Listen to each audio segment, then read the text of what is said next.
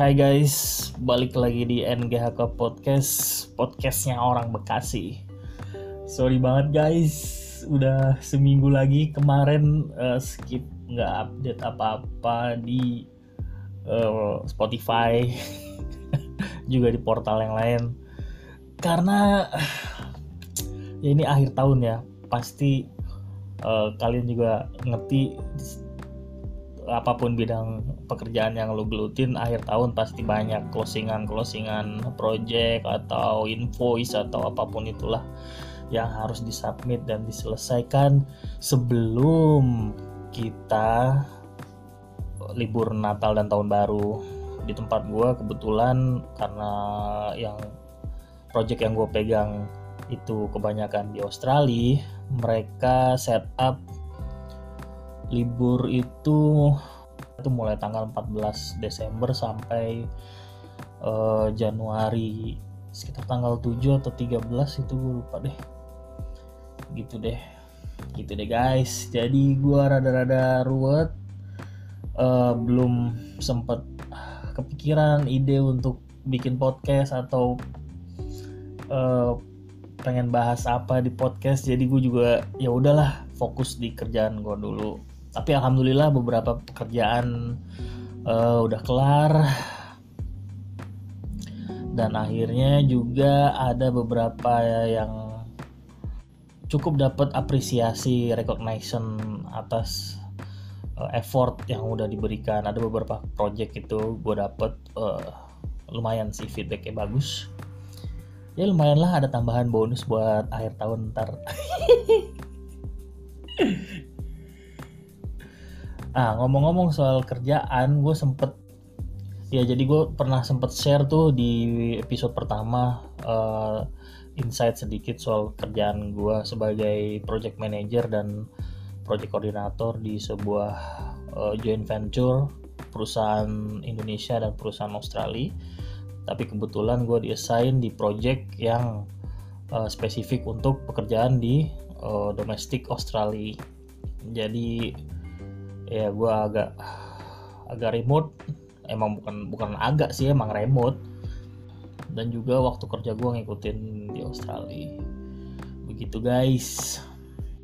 Terus ngomongin masalah kerjaan juga kemarin gue sempet notice ada uh, cukup viral sebenarnya sih di TikTok ya. Cuman gue ngelihatnya uh, gue kan nggak main TikTok.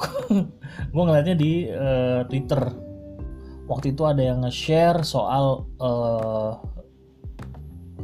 lulusan kedokteran yang nyari kerjaan tapi tapi dia ditanya soal uh, ada orang dalam nggak gitu. Kalau nggak salah itu yang nge-share TikTok accountnya namanya Your Basic Witch. Jadi dia nge-share kisahnya temannya dia. Dia lagi nganterin temennya uh, yang lulusan kedokteran dan sebenarnya dia lulusan terbaik di kampusnya tapi tiba-tiba ditanyain tuh saat ngasih ke HR uh, eh, rumah sakit rumah sakit itu uh, ini ada titipannya nggak? Dari siapa? Kayak gitu. Ini gue juga baru tahu juga nih uh, kalau kedokteran juga perlu orang dalam. Tahu gue dokter ya testingnya dan segala macamnya ada standarnya gitu. Karena IT sendiri gue kan kebetulan IT bidangnya. Dan untuk spesifik role kayak project manager, project coordinator itu ada lagi sertifikasinya. Memang experience juga penting gitu ya uh, background kita berapa tahun di bidang tersebut sebagai role project manager dan project project koordinator tapi nilai plus kalau kita ada sertifikasi tertentu PMP, Agile atau Scrum atau apa pun itulah yang ada di dalam project management. Nah, gue kaget juga ngelihatnya kok dokter masih ditanya juga soal titipan atau orang dalam atau koneksi. Ntar kalau dia diterima karena atas dasar dia orang dalam, apa nggak jadi rancu gitu ya misalkan dia diterima sebagai uh, dokter spesialis ahli bedah gitu. Terus tahu-tahu uh, dia nggak qualify di situ. Nanti saat dia surgery gimana? Kalau malpraktek gitu. Atau jangan-jangan malpraktek banyak kejadian tuh karena memang ya yang diterima orang-orang titipan orang-orang dari orang-orang yang punya koneksi di dalam gitu loh emang ini agak agak masalah juga sih ya. Nah gue pikir tuh bidang kedokterannya tuh jauh dari itu. Mungkin kalau bidan atau staff rumah sakit yang ngurusin ya sebenarnya farmasi juga kan itu harus lulusan farmasi dan dia harus ini ya. Mungkin kalau kayak finance-nya atau staff-staff yang di front desk-nya mungkin oke okay lah kalau dari titipan atau uh, jalur akademisi yang umum cuman kalau ini kan kasusnya kedokterannya ya ini gue agak aneh sih oke okay guys di episode kali ini gue akan share tentang karir development by Igoy. Ya, sebenarnya sih gue mulai karir gue itu dari gue sebelum lulus. Sebelum lulus, biasalah uh, namanya mahasiswa, kita cari-cari tambahan, modal jajan dan gaul waktu itu. Ya gue punya band, terus gue juga pernah kerja di uh, mana tuh? Jadi sales pembukaan rekening uh, sebuah bank swasta. Sebut aja BII sekarang masih ada apa enggak sih itu? Nah terus dari situ karena koneksi gua uh, di scene in di Jakarta itu lumayan ya Jakarta Bekasi ya lumayan banyak. Gue dapet channel dari temen gue uh, dia sempet join di band gue namanya Nick. Nick uh, kasih gua channel uh, ke temennya dia almarhum bos gua bos Anggi. Itu bos IT gua pertama. Jadi dia punya project di luar kantor nah, dan dia butuh IT support untuk setup uh, sistem sama network sedikit lah. Install server segala macem di customernya dia. Customernya kebetulan waktu itu sebuah penerbit. Dan kita bikin kayak enterprise system end to end dari mulai finance terus produksi terus inventory sales sampai ke accountingnya segala macam stock opnam segala macam itu ada bener-bener kebutuhan semua divisi kita cover di situ Nah, kalau nggak salah itu project kurang lebih 8 sampai 10 bulan lah setelah projectnya kelar. Jadi kebetulan waktu ngerjain project itu kuliah gue udah selesai, tapi gue belum diwisuda. Gitu. Udah saat project itu udah selesai, akhirnya gue cari-cari lagi yang lain. Nah, saat gue nyari, nggak taunya di company-nya Pak Anggi ini, eh, PT Uninet Media Sakti. Nah, itu lagi cari juga IT support sama analis programmer. Nah, karena sebelumnya gue ada pengalaman itu sebagai IT support dan analis analis programmer, jadi gue mengiyakan lah tawaran itu daripada gue nyari-nyari lagi kan. Di situ gue dapet setahun kontrak setahun dan di situ gue bener-bener belajar banyak. Gue ketemu orang-orang IT teman-teman yang sampai sekarang gue masih temenan sama mereka. Ada Mas Arif Wangsa ada Widi ada Mbak Anut. Gue manggilnya Tante Anut sih.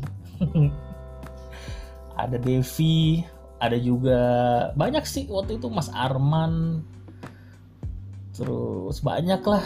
Tim-tim sales juga dan network yang gue kenal di situ dan gue dapat pelajaran banget. Banyak banget dari mereka. Dan itu yang paling penting ya. Kalau lu fresh graduate jangan terlalu sotoy. Sotoy boleh kalau lu punya argumen yang tepat. Tapi kalau lu nggak punya atau lu emang bener-bener nggak punya background ilmu dari uh, subjek yang lagi dia bahas atau dia sampein ya lu bilang saya nggak tahu mas atau saya nggak tahu pak gitu. Kayak misalkan contoh instalasi server. Ya kalau lu belum pernah bilang aja belum gitu. Karena mereka juga don't mind untuk ngajarin karena goalnya mereka supaya lu sukses di pekerjaan lu gitu. Dan mereka seneng kok atau kadang informasi yang kita butuhin tuh udah ada di kantor itu gitu atau di uh, line of business lo gitu. Oh lo nggak bisa uh, install server. Nih ada kok udah bikin setupnya. Setup gate-nya udah ada tahap-tahapannya apa aja. Ya lu tinggal ngikutin aja gitu. Tapi kalau dari awal lu nggak jujur bisa jadi lu nggak dapet itu informasi yang lebih komplit gitu. Jadi jangan blokir uh, knowledge baru yang orang mau kasih dengan kesotoyan lu belagak sok tahu gitu. Bilang lu udah tahu padahal lu belum pernah. Itu satu guys. Nah di situ gue setahun lumayan seru sih. Gue handle beberapa customer. Ada Abda Insurance ada juga Sharp ada juga apalagi ya kliennya cukup banyak sih. Dan kebanyakan gue megang HR payroll system. Ada juga yang enterprise. Dan kebanyakan uh, programmer kan kerjanya stay di di office gitu ya. Karena mereka benar-benar harus coding. Mereka nggak bisa ngabisin waktu di jalan. Yang kena macet berapa jam gitu kan mereka harus benar-benar coding fix uh, issue gitu kan create reporting tools. Uh, jadi sebagai wakil dari programmer IT support dan analis programmer itu dikirim untuk ngadepin customer uh, untuk uh, gathering uh, keluhan atau requirement baru. Jadi itu ya tugasnya gue waktu itu. Juga saat implementasi kalau misalkan perlu instalasi uh, server baru atau harddisk baru atau pergantian software atau ya gitulah deployment baru itu juga butuh gue sebagai IT support. Nah di dua role itu gaji gue kecil banget sih. Cuman ya nggak masalah karena gue pernah denger dari Adri Subono kalau lu mulai karir 5 tahun pertama tuh lu abisin untuk cari ilmu dulu. Jangan ngitung berapa duit yang lu terima tiap bulan gitu karena sekolah kuliah itu cuman bekal untuk mendisiplinkan lu. Ilmu yang sebenarnya lu bisa implementasiin itu ya dari pengalaman kerja lu di lima tahun pertama. Nah itu yang gue terapin setelah gue denger dari Adri Subono di sebuah acara talkshow gitulah. Baru nanti lima tahun kedua lu bisa nentuin gaji lu. Lima tahun ketiga lu bisa nentuin karir lu lu mau jadi apa. Itu katanya dia. Tapi gue terapin juga sih. Nah dari situ setahun Pak Anggi pindah ke IBM akhirnya gue mutusin untuk nggak nerusin kontrak kedua. Akhirnya gue join di situ sebagai analis programmer. Full bener-bener analis doang.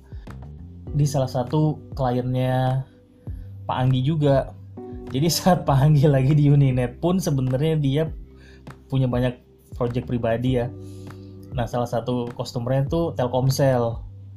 Di Telkomsel jadi tugas utama gue sebagai analis programmer di situ adalah sebagai middleman.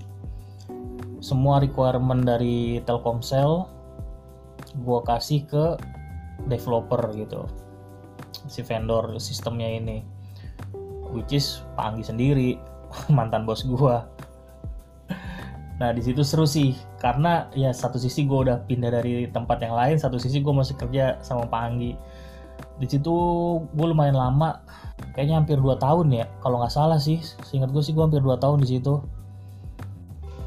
Dan di situ di Telkomsel gue sebagai karyawan kontrak under Kisel.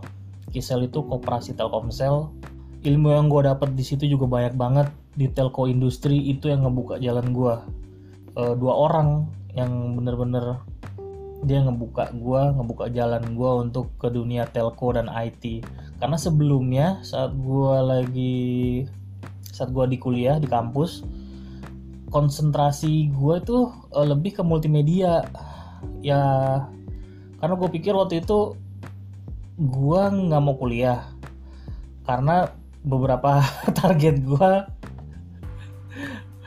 inilah lepas lah dari gue gitu ya. Gue nggak dapet lah waktu itu gue pengen masuk gue pengen masuk stis gue pengen masuk stan sama radiologi itu gue nggak dapet tiga tiganya gue dapet di stis sama di radiologi uh, itu sebagai cadangan.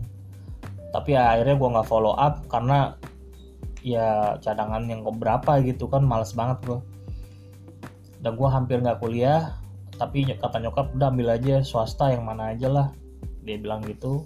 Ya akhirnya gue ngambil karena hobi gue main game online di warnet gue ambil aja lah IT waktu itu zamannya CS nah udah selesai di IT itu mau lulus kita di disuruh milih tuh konsentrasinya mau ke mana gitu. Fokus bidangnya mau ke mana. Ada yang ke programming ada yang ke sistem informasi ada juga yang ke multimedia. Nah gue pilihnya multimedia karena hobi gue juga di musik. Gue sempat punya band.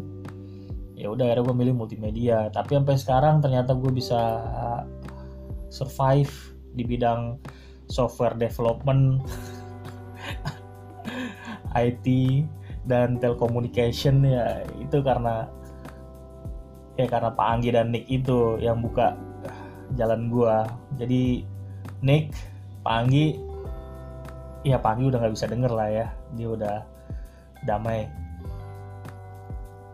Nick kalau lu denger ya gue mau ngucapin thank you banget uh, lu udah buka jalan gua di dunia telco dengan ngenalin gua ke Pak Anggi dan Pak Anggi thank you banget. Udah buka jalan gua sehingga gua bisa masuk Telkomsel. Tahu industri telco kayak gimana dalemannya. Dan akhirnya sampai sekarang gue masih di dunia itu. Thank you banget pak. Di Telkomsel saat gue mau keluar cari-cari yang baru sebenarnya nggak ada masalah. Enak-enak aja di Telkomsel. Karena software yang gue deliver uh, cukup kepake.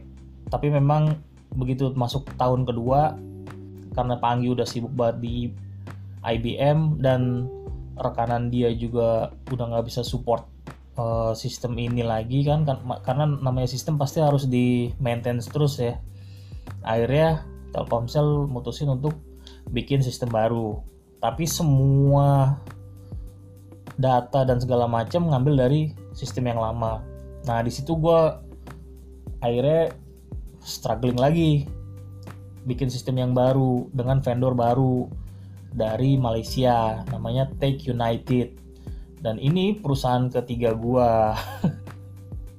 Jadi setelah setahun gua sebagai ibaratnya apa ya PIC-nya lah on behalf of Telkomsel gua kasih requirementnya gua testing gua UAT gua training usernya juga. Dan kita sukses delivery uh, sistem waktu itu uh, project management sama planning juga acceptance system. Tapi ini sifatnya project manajemennya roll out ya.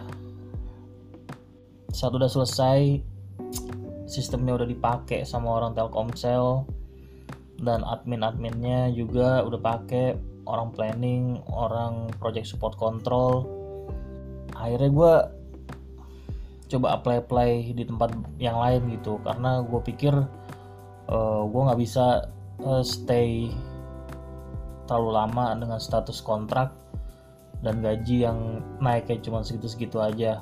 Saat gue lagi apply salah satu bos dari Tech United itu lihat gue lagi apply namanya Pak Mohan Mohan Krisnan nah tiba-tiba dia nanya kenapa lu apply? Lu pengen pergi? Kenapa lu pengen pergi? katanya. Dan dia nanya-nanya kayak gitu terus lah. Akhirnya ya gue jawab eh, enggak sih ini gue cuma coba-coba. Gue bilang untuk cari opportunity di tempat lain.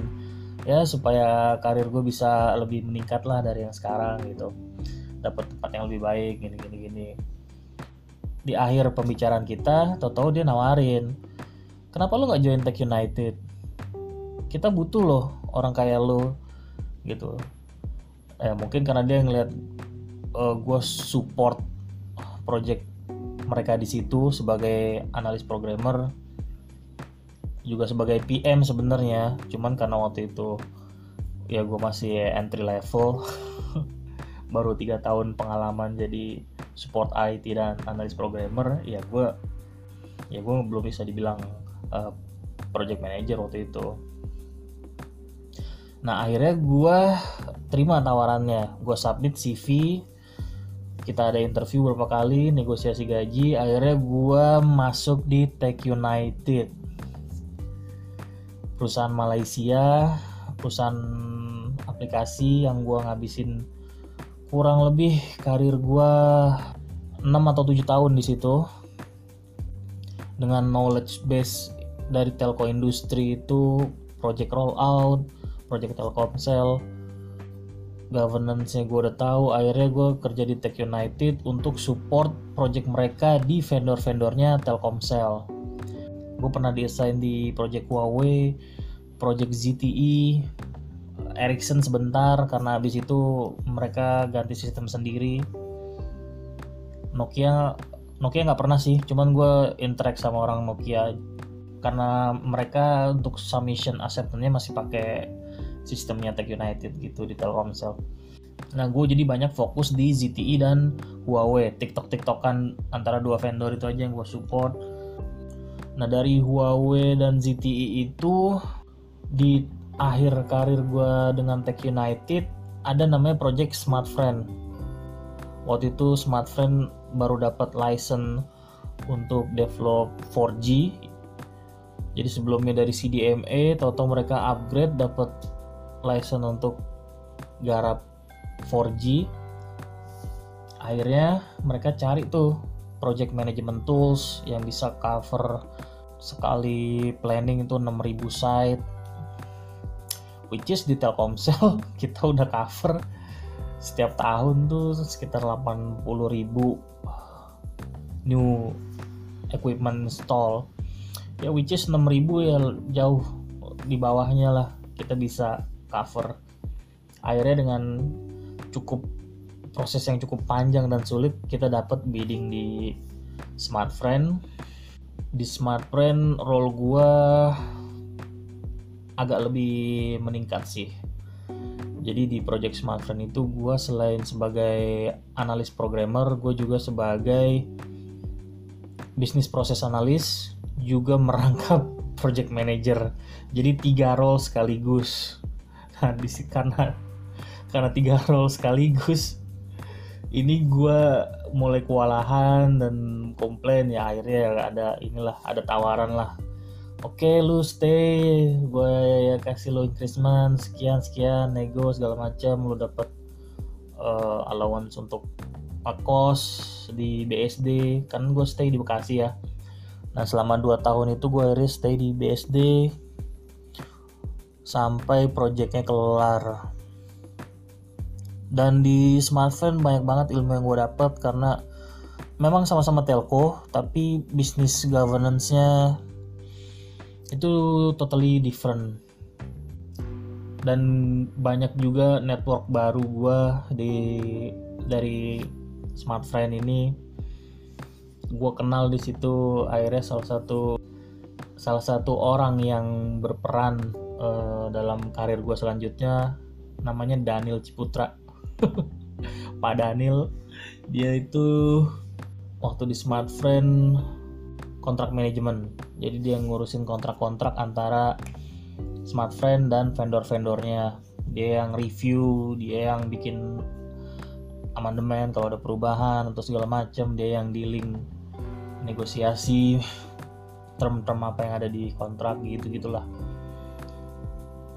Karena beberapa kali gue sebenarnya nggak bersinggungan langsung taks gue sama Pak Daniel ini. Karena Pak Daniel kantornya di Smart Friend Sabang sedangkan gue di BSD tapi karena satu dan lain hal partner gue eh, yang juga bos gue ya dia sering mangkir dari tugasnya dia di Sabang. Which is kalau lagi urgent dan butuh orang gue lah yang dikirim ke Sabang juga. Dari BSD gue ke Sabang. Nah gue akhirnya ketemu lah sama orang yang awalnya gue pikir nih orang aneh dan galak. Nggak taunya asik sih sebenarnya. Seru gue sering disetrap berjam-jam di dalam kantornya dia di di ruangannya kontrak manajemen itu yang padahal itu harusnya area free untuk vendor. Vendor nggak boleh selangkah pun masuk ke situ. Kalau mau top pintu buka pintu ngomong di pintu lu mau apa gitu. Atau ketemu di meeting room. Tapi gue bisa duduk di salah satu kubikel yang ada di ruangan kontrak manajemen. Itulah ya lu selain yang tadi gue bilang jangan sotoy kalau lu nggak tahu lu harus kasih tahu. Yang kedua ya lu harus bisa jaga komunikasi. Biarpun lu lagi ya ya jujur aja ya kita kadang uh, diassign pekerjaan yang bukan scope dari pekerjaan kita mungkin kesel tapi ya lu harus bisa cover itu supaya gimana caranya customer nggak ngeliat lu lagi kesel gitu. Dan lu tetap bisa perform. Nah di akhir dari project Smart Friend saat udah 90% payment release akhirnya gue putusin gue harus keluar. Dan waktu itu dan gue keluar waktu itu. Dan saat gue keluar ya gue langsung nganggur. Nah ini jangan ditiru ya. Ini lu nggak boleh tiru ya. Kalau lu mau resign lu harus bener-bener udah punya planning. Lu mau pergi ke mana atau lu mau cari kerja di mana lu mau nerusin karir lu di mana atau udah ada kontrak yang ngikat lu setelah lu keluar dari tempat kerja lu bakal kerja di tempat lain. Dan akhirnya si Pak Daniel ini dia tahu gue udah resign. Dan gue sempet kontek-kontekan sama dia. Dan banyak juga sih teman-teman gue di Huawei di ZTE di Telkomsel di Smartfriend juga selain Pak Daniel yang gue coba approach. Dan banyak juga yang udah ngasih uh, link atau informasi pekerjaan. Akhirnya gue dapet di Capitol Capital Group. Jadi Capital Group itu kalau kalian tahu dia bisnisnya ada di bursa saham, bursa komoditi, ada juga di properti. Kalian tahu kan apartemen Capital segala macam itu. Nah, dia pengen buka lini bisnis baru waktu itu Imani yang ngurusin masalah remittance. Mereka butuh project manager yang manage uh, deliverable dari aplikasinya tersebut. Kebetulan vendornya dari India dan keterima di situ. Gajinya lumayan gede. Gue belum setahun udah naik dua kali. Enggak, enggak sih bukan naik dua kali sih. Belum belum setahun gue udah naik gaji lah. Akhirnya gue submit CV gue, gue dipanggil interview karena memang uh, ownernya baik banget Pak Feni Wijaya thank you banget Pak Feni dan keluarga. Juga Bu Kristi baik banget Bu Kristi. Nah di situ gue belajar soal imani soal perizinan ke BI untuk mendirikan ya finance perusahaan finance non banking ya. Dan di situ gue terlibat uh, dalam permohonan perizinan tersebut berapa kali gue ikut meeting dan awal-awal gue ngeblank. Sempat juga gue disemprot sama di rootnya waktu itu. Nah ini juga uh, guys uh, eh, gue mau kasih insight juga. Kalau lu disemprot sama bos lu lu nggak usah kehilangan motivasi untuk kerja atau lu jangan langsung ya feeling down feeling blue akhirnya lu mutusin untuk resign Gak perlu sih, karena gini, itu kewajiban bos untuk mengkoreksi performance anak buahnya. Itu satu. Kenapa? Karena dia punya tanggung jawab yang lebih besar. Itu yang gue belajar di Tech United. Karena sebelum gue keluar, setelah sebelum gue keluar dari Tech United tuh gue sempet naik jabatan sebagai nation manager ya jadi uh, manager untuk semua project yang ada di Indonesia dari Tech United gitu. Dan itu nggak enak urusan langsung sama owner perusahaan urusan langsung sama CEO itu nggak enak coy. Beneran deh enakan lu jadi middleman atau bottom sekalian gitu. Yang ngepush lu tuh cuman sebatas bos lu langsung gitu atau customer. Jadi ya nasihat gue advice gue ya jangan langsung feel down kalau lu dapet teguran atau atau disemprot sama bos lu karena itu hal yang wajar. Lu harus kuat mental dan lu harus bisa buktiin kalau lu bisa lebih baik dari ya apa yang lu perform sekarang gitu. Itu sih. Nah di Capitol gua dapet kurang lebih setahun saat hampir UAT udah selesai imaninya udah udah gua UAT dan perizinan juga tinggal sedikit lagi tapi ada beberapa term yang nggak bisa dipenuhin perusahaan which is gue minta dedicated tim IT karena waktu itu IT dan technical bener-bener gue sendiri. Jadi selain gue sebagai project manager gue juga tetap sebagai analis programmer tetap sebagai uh, technical lead juga sebagai dan sebagai IT manager ini gue kagetnya saat uh, lagi presentasi di sebuah instansi temen gue udah nyiapin powerpointnya. Dan ada di situ nama gue sebagai IT manager.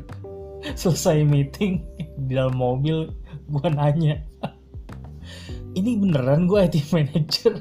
Kok gue nggak punya staff? Semua pada ketawa aduh itu itu gila sih. Ini lu gila aja gue bilang gitu kan. Ini kayak kayak palasik tau gak lo lu sebagai head of IT department tapi nggak punya badan nggak ada struktur di bawah lu. Lu kayak palasik gue bilang gitu. Yang lain pada ketawa udahlah nggak apa-apa biarpun gaji lu kecil kan at least di sini lu head of IT gue juga waktu itu kalau salah si Dayu yang ngomong Dayu itu orang legalnya. Gue juga head of legal and governance. Terus ada saya ada juga head of procurement waktu itu si siapa ya lupa gue namanya? Santi oh ya. Juga ada head of marketing si Tea di situ setelah Pak Hari keluar berapa bulan gue jalanin akhirnya gue mutusin untuk nyari opportunity lain di tempat lain. Nah lagi-lagi si Pak Daniel ini nyaranin gue untuk gabung Telkom Telstra. Telkom Telstra ini si Pak Daniel udah join duluan. Gue cukup kaget karena setahu gue tadinya awalnya gue pikir dia tuh masih keluarganya Pak Frankie Wijaya gitu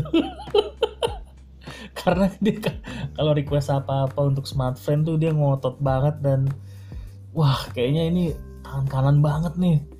Ini orang nih gue harus bener-bener bikin dia satisfy sama performance gue di situ gitu sebagai vendor. Oh, akhirnya gue submit CV uh, di Telkom Telstra. Gue submit sebagai project koordinator. Akhirnya datanglah itu uh, panggilan interview yang pertama Nah di interview itu cukup tegang dan lucu sih karena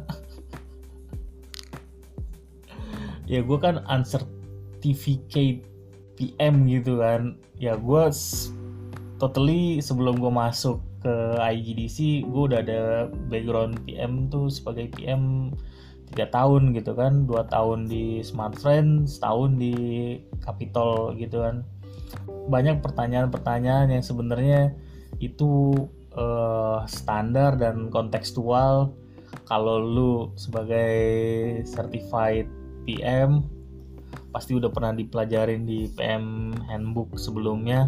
Nah di sini gue bener-bener raw answering by my own experience. lagi-lagi ini juga uh, yang tadi gue kasih tahu lu nggak boleh bohong sama kemampuan lo dan kalau lu ditanya tentang subjek tertentu dan lu nggak tahu ya lu harus bilang lu nggak tahu gitu.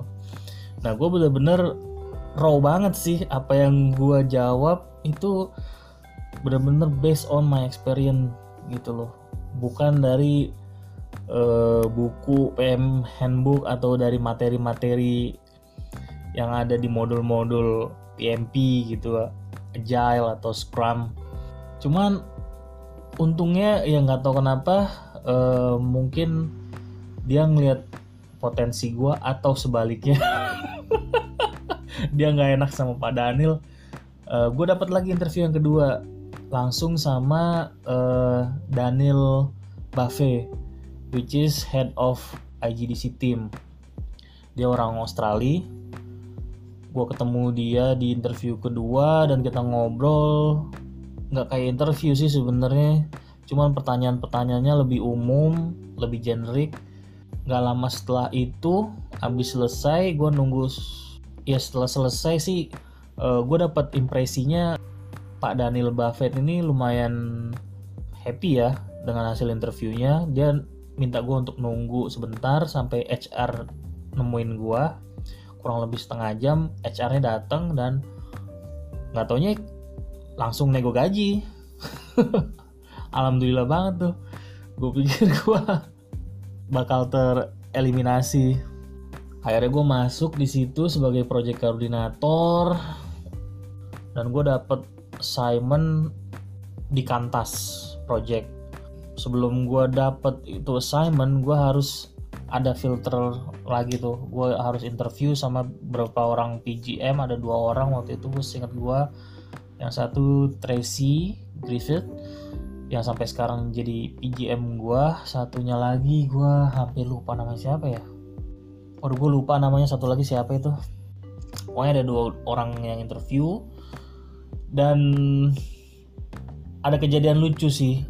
Jadi sebelum gue dikasih schedule untuk interview persiapannya tuh panjang. Gue digembleng sama Pak Guntoro sama PM PM senior dah ada Andrew ada Mas Gani ada juga ya Mas Lutfi sendiri ya tentunya.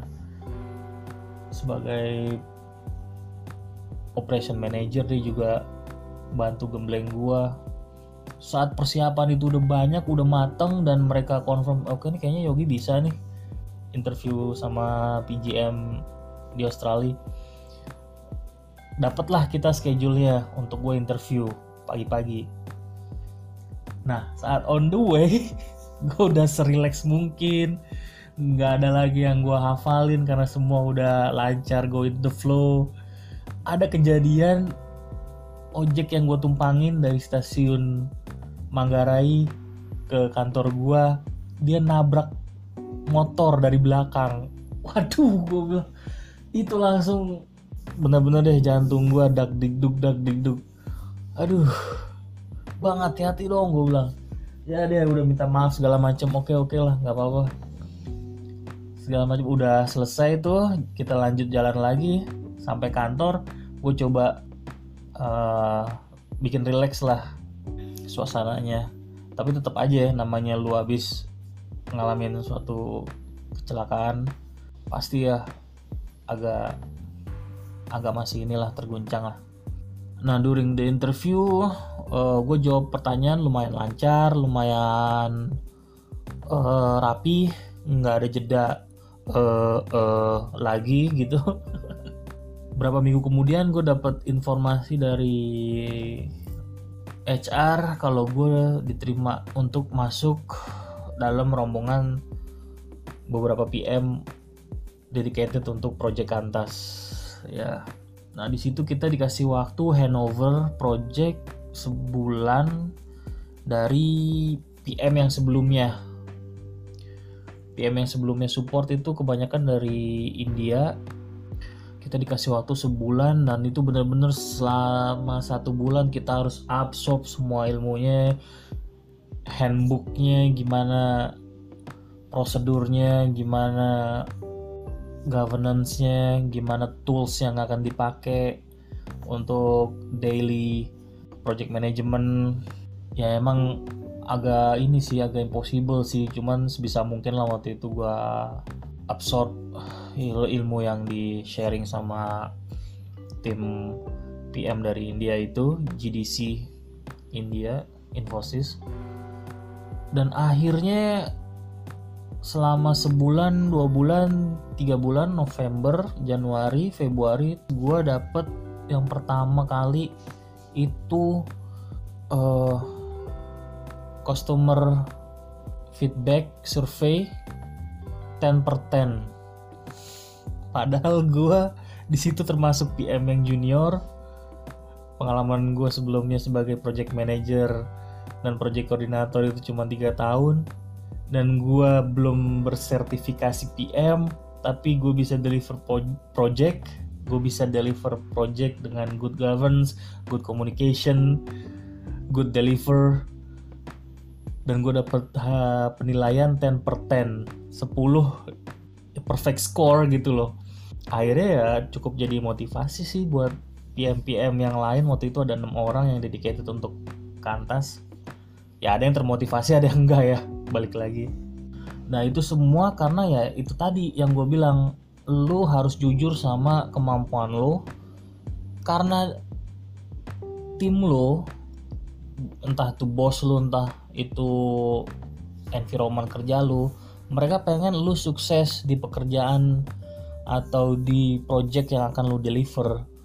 Jadi kalau lu jujur mereka pasti bakal bekalin lu dengan wawasan informasi atau knowledge yang bener-bener kepake gitu. Kalau lu nggak jujur dari awal ya orang juga males ngasih tahu lu. Atau kalau lu sotoy dari awal oh ya itu saya pernah begini begini begini begini. Padahal yang lu omongin itu jauh dari apa yang mereka expect gitu. Ya mereka males lah pasti ngasih ngasih lu advice atau arahan. Gitu guys. Dan akhirnya sampai sekarang gue masih di Telkom Telstra tahun kedua dan gue masih di project Kantas. Kurang lebih iya sih sekarang kayaknya udah tahun kedua gue sih. Dan so far gue happy sih. Tapi akhir-akhir ini karena saya selama pandemi Kantas kan penerbangannya jauh berkurang drastis bahkan sempat off. Project dari sana agak berkurang akhirnya gue diassign ke portfolio project yang lain handle customer yang lain selain kantas gitu. Dan totally selama hampir 2 tahun ini kayaknya setahun 6 bulan deh. Ya udah banyak sih achievement yang gue raih ya. Berapa kali 10 per 10 terus dapat berapa kali recognition sampai di mention di CEO uh, eh, weekly email report. Itu cukup ini sih privilege dan kebanggaan sih. Gitu guys. Jadi sebelum gue closing gue bakal summaryin. Ya jadi gue bakal uh, sharing apa aja sih yang hal-hal yang lo harus perhatiin untuk karir development lu supaya lu lebih bagus